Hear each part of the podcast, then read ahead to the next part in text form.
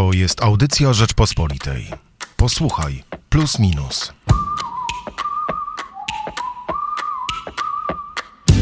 W najnowszym magazynie Plus Minus przyglądamy się najmłodszym, czyli pierwszemu pokoleniu XXI wieku. Michał Płociński i Hubert Salik. I chyba takie najważniejsze pytanie, jakie stawiamy, jakie przebija się z naszego dania głównego, to jak pandemia wpłynie na najmłodsze pokolenie. Oczywiście nikt z nas do końca nie zna na to odpowiedzi, ale postaraliśmy się, żeby e, w dwóch tekstach, które znalazły się w numerze najbliższym Plusa Minusa, e, w tekście Bartosza Brzyskiego i Marcina Dobrołowicza, e, to pokolenie samo się trochę wypowiedziało na ten temat.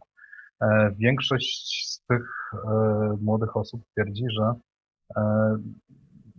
jak gdyby tym, co ich odróżnia od poprzednich pokoleń, co też nie jest zaskakujące, jest e, internet i powszechność używania tego narzędzia. E, to, co się działo w trakcie pandemii, czyli nauka zdalna, e, rozwój narzędzi komunikacyjnych, może sprawiać, że ten internet będzie jeszcze bardziej intensywnie wykorzystywany do takiej międzypokoleniowej współpracy i, i, i do kontaktów międzyludzkich. Ponieważ tych kontaktów międzyludzkich było bardzo niewiele, były substytuowane przez komunikację zdalną, może się okazać, że część tego z nami zostanie. Zresztą nie przypadkiem to najmłodsze pokolenie, pokolenie, które socjolodzy nazywają Z, publicyści często e, określają pokoleniem I-Gen, czyli jak iPhone, e, ale też I, czyli ja. Często się mówi o pokoleniu płatków śniegu. To jest nawiązanie do oczywiście E, e, Fight Clubu, gdzie, gdzie, gdzie, gdzie był tekst Nie jesteś płatkiem śniegu, nie jesteś wyjątkowy. E, I najbardziej chyba tutaj uderzające w tekście Bartosza Brzyskiego jest są dane, że w ciągu ostatnich pięciu lat dwukrotnie wzrosła liczba samobójstw wśród nastolatków i dzieci całym zachodnim świecie, czyli to nie jest wyłącznie problem Polski czy Stanów Zjednoczonych, ale jest to problem całego e, pokolenia. Bartosz Brzyski e, mówi, że najprostszy wniosek, jaki można z tego wyciągnąć, to to, że pogłębia się przepaść między światem najmłodszych a światem dorosłych, między e, realnym światem, w którym wychowują się nastolatkowie, a światem, do którego powinni dojrzeć.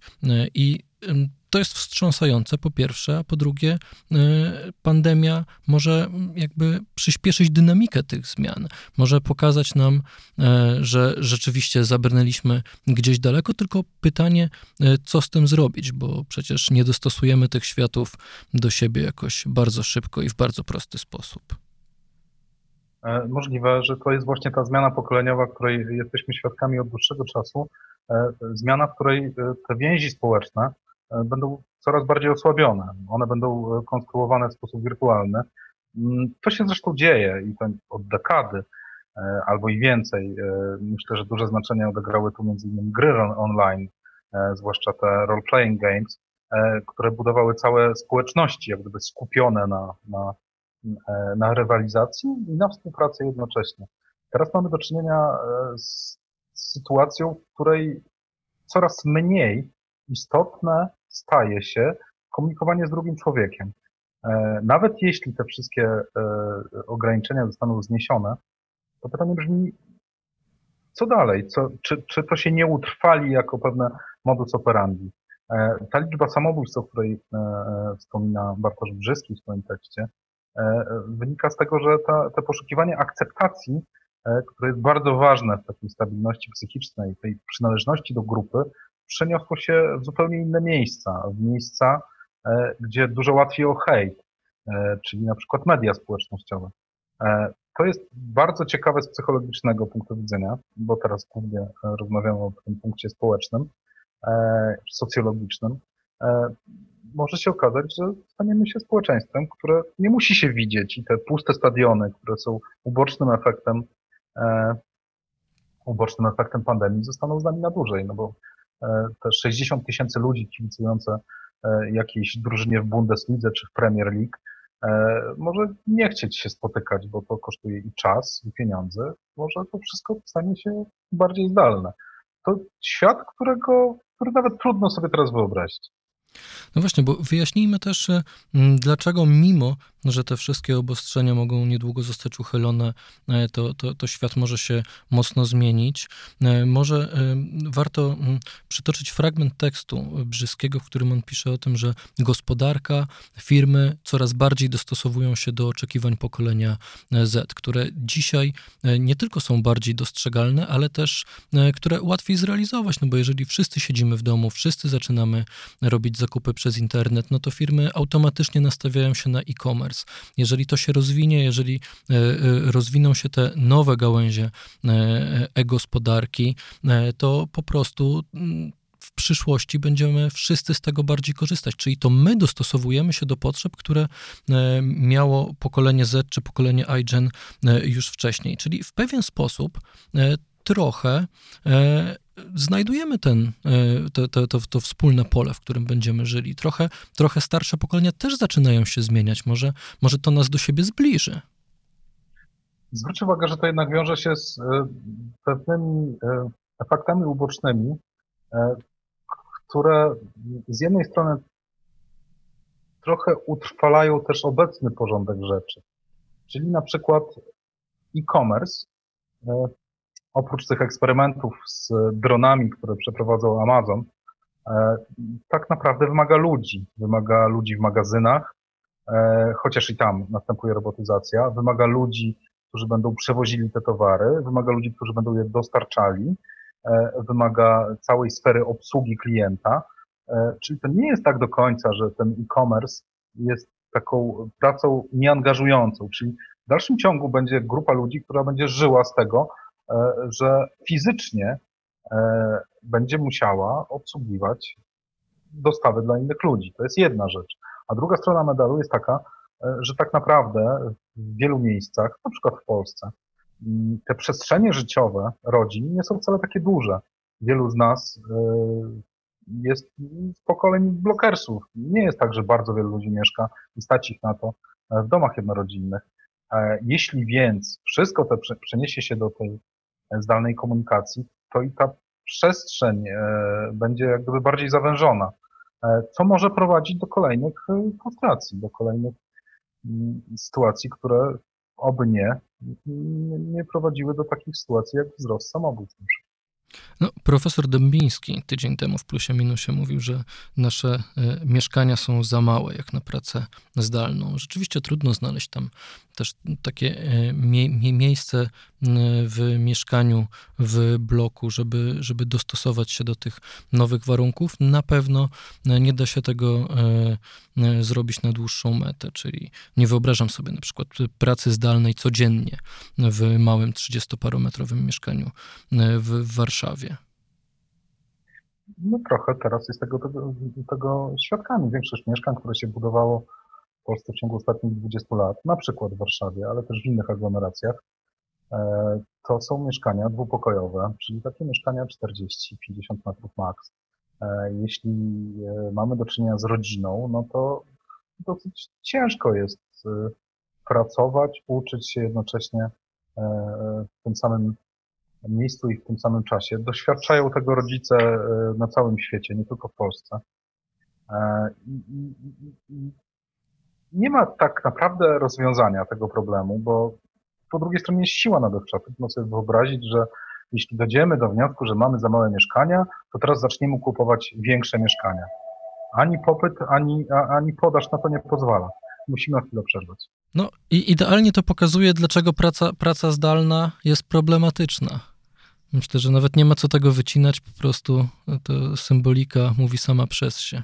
Przejdźmy dalej. Wspomniałeś, Hubert, o pustych stadionach Bundesligi, które nie wiadomo, czy się zapełnią. No, raczej prawdopodobieństwo, że akurat w Niemczech stadiony w miarę szybko się zapełnią, jest duże, ale rzeczywiście trochę ten sport się zmienia. W tym tygodniu na przykład w Polsce otwarto Orliki, można pójść z powrotem pograć w piłkę czy w koszykówkę.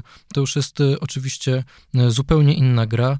E, na przykład musi być 15 minut przerwy między jedną, jednym zespołem czy jedną ekipą, jednymi znajomymi, którzy grają, a kolejnymi, którzy wejdą na, na Orlik. Wszystko jest odkażane, oczywiście aż do linii bocznej trzeba nosić maseczki i też tym tematem, zmianą w sporcie, zmianą w ogóle tytule aktywności fizycznej i rywalizacji sportowej zajęliśmy się w najnowszym magazynie Plus Minus.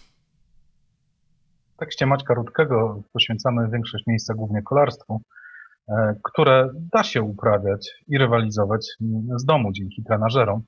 E, mieliśmy już parę takich przypadków na dużą skalę, gdzie rozegrano prawdziwe kolarskie wyścigi, jak Ronde von Flanderen, który zresztą wygrał e, kolarz polskiej grupy CCC Greg van Averne, ale też chociażby wyścig spokoju, w którym wzięło udział ponad tysiąc osób, też amatorów, ale też najlepsi polscy kolarze. Mm, czy to oznacza zmianę trendu?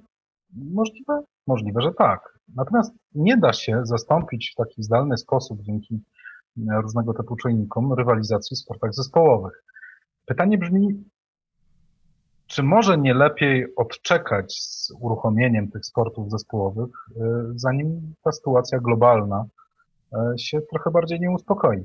Ja wiem, że Michale bardzo lubisz grać w piłkę nożną, lepicie jakieś składy, którymi co tydzień sobie gracie, pewnie jest to wyczekiwane, ale ja bym jednak chwilę zaczekał.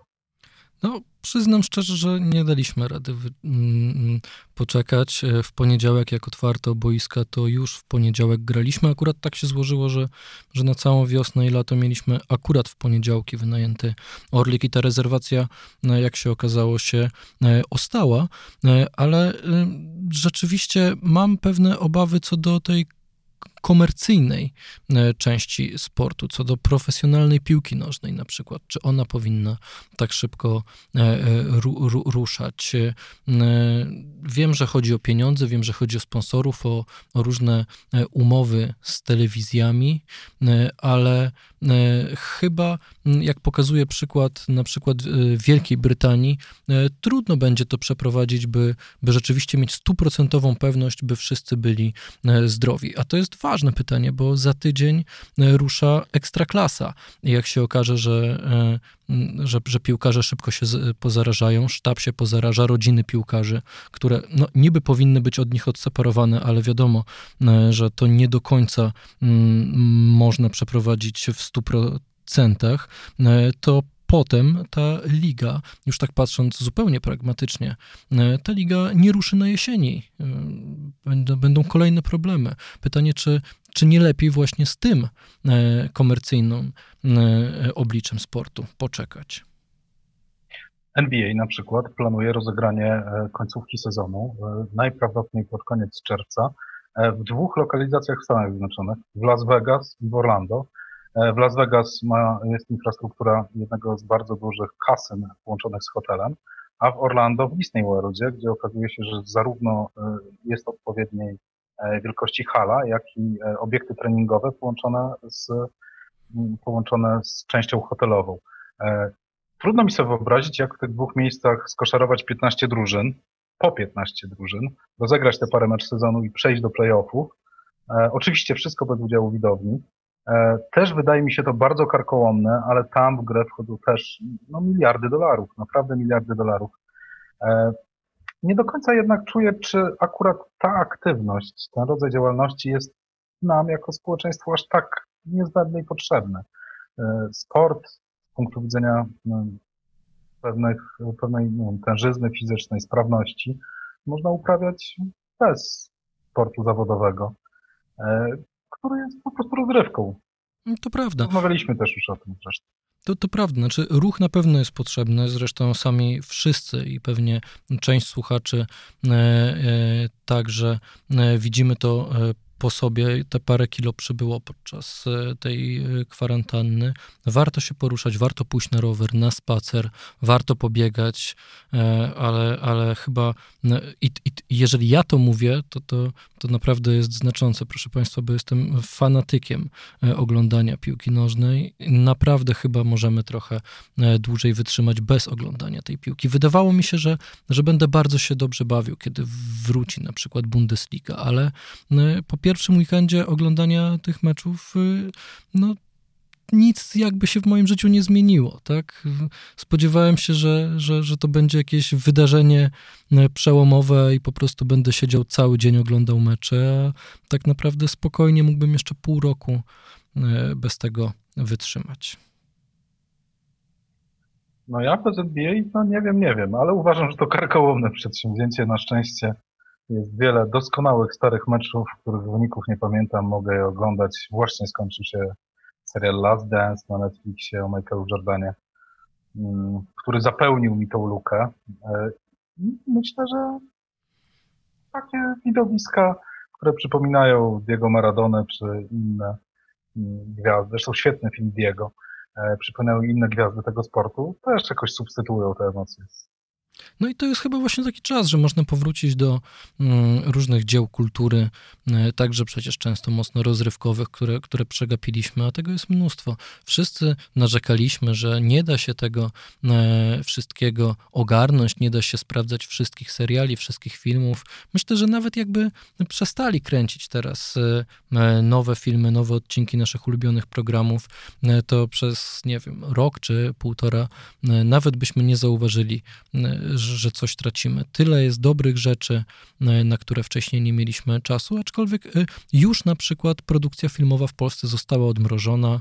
Widziałem w Warszawie już w kilku e, miejscach ekipy filmowe i widać, że nadrabiają stracony czas, że w tej chwili od rana do wieczora są porozstawiane na przykład na, na Starym Mieście, czy w jakichś ciekawych lokalizacjach w Śródmieściu Warszawy. Ale przejdźmy dalej, bo w plusie minusie też mamy sylwetkę Marka Niedźwieckiego. Chyba większości słuchaczom nie musimy wyjaśniać pretekstu e, do e, przyjrzenia się bliżej e, życiu Marka Niedźwieckiego. Cały tydzień żyliśmy tym, co się dzieje w trzecim programie polskiego radia, a sylwetkę bardzo szybko napisał nam Jakub Kowalski. Czy dla ciebie lista przebojów trójki to jakaś mm, ważna rzecz w życiu, jakiś e, ważny moment e, wcześniej w sobotnie, teraz e, w piątkowe popołudnie, wieczór? Zaczęliśmy rozmowę od pokoleń, od tego zresztą zaczynamy plusa. Dlatego ja uznałem, że, mo, że może ty właśnie słuchasz listy przebojów trójki. Dla mnie lista przebojów trójki jest pokoleniowym zjawiskiem. Dla mojego pokolenia, dla ludzi gdzieś tam urodzonych w latach 70., 60., możliwe, że nawet 80., to pierw to okno na świat prawdziwy muzyczny, jeszcze w latach 80., tak naprawdę tam się szukało inspiracji, tam się szukało tego, co teraz dzieje się na świecie. E, dlatego myślę, że dla bardzo wielu, wielu Polaków jest to, którzy słuchali muzyki, dla których jest ona ważna, e, to jest bardzo istotny punkt odniesienia. To, co się teraz stało, jest no, co najmniej smutne i przykre. Mam nadzieję, że Marek Niedziecki jeszcze wróci do prowadzenia listy przebojów e, w przyszłości. E, mam nadzieję, że ta przyszłość będzie raczej bliższa niż dalsza, e, ale będzie musiało się bardzo wiele w programie polskiego, trzecim polskiego radia zmienić, żeby do tego doszło. Ja też mam nadzieję, że to jeszcze nie jest koniec trójki, bo raczej nowych pomysłów na jakieś zupełnie nowe radio w tym miejscu nie widać, a w końcu od pięciu lat już mógł się jakiś pojawić, więc miejmy nadzieję, że niedługo rzeczywiście coś się zmieni, bo wszystko musi się zmieniać, by mogło pozostać po staremu, jak mówi pewne ohydne chińskie przysłowie. Michał Płociński i Hubert Zapraszamy do najnowszego magazynu Plus Minus na rp.pl oraz do kiosków. To była audycja Rzeczpospolitej. Posłuchaj Plus Minus.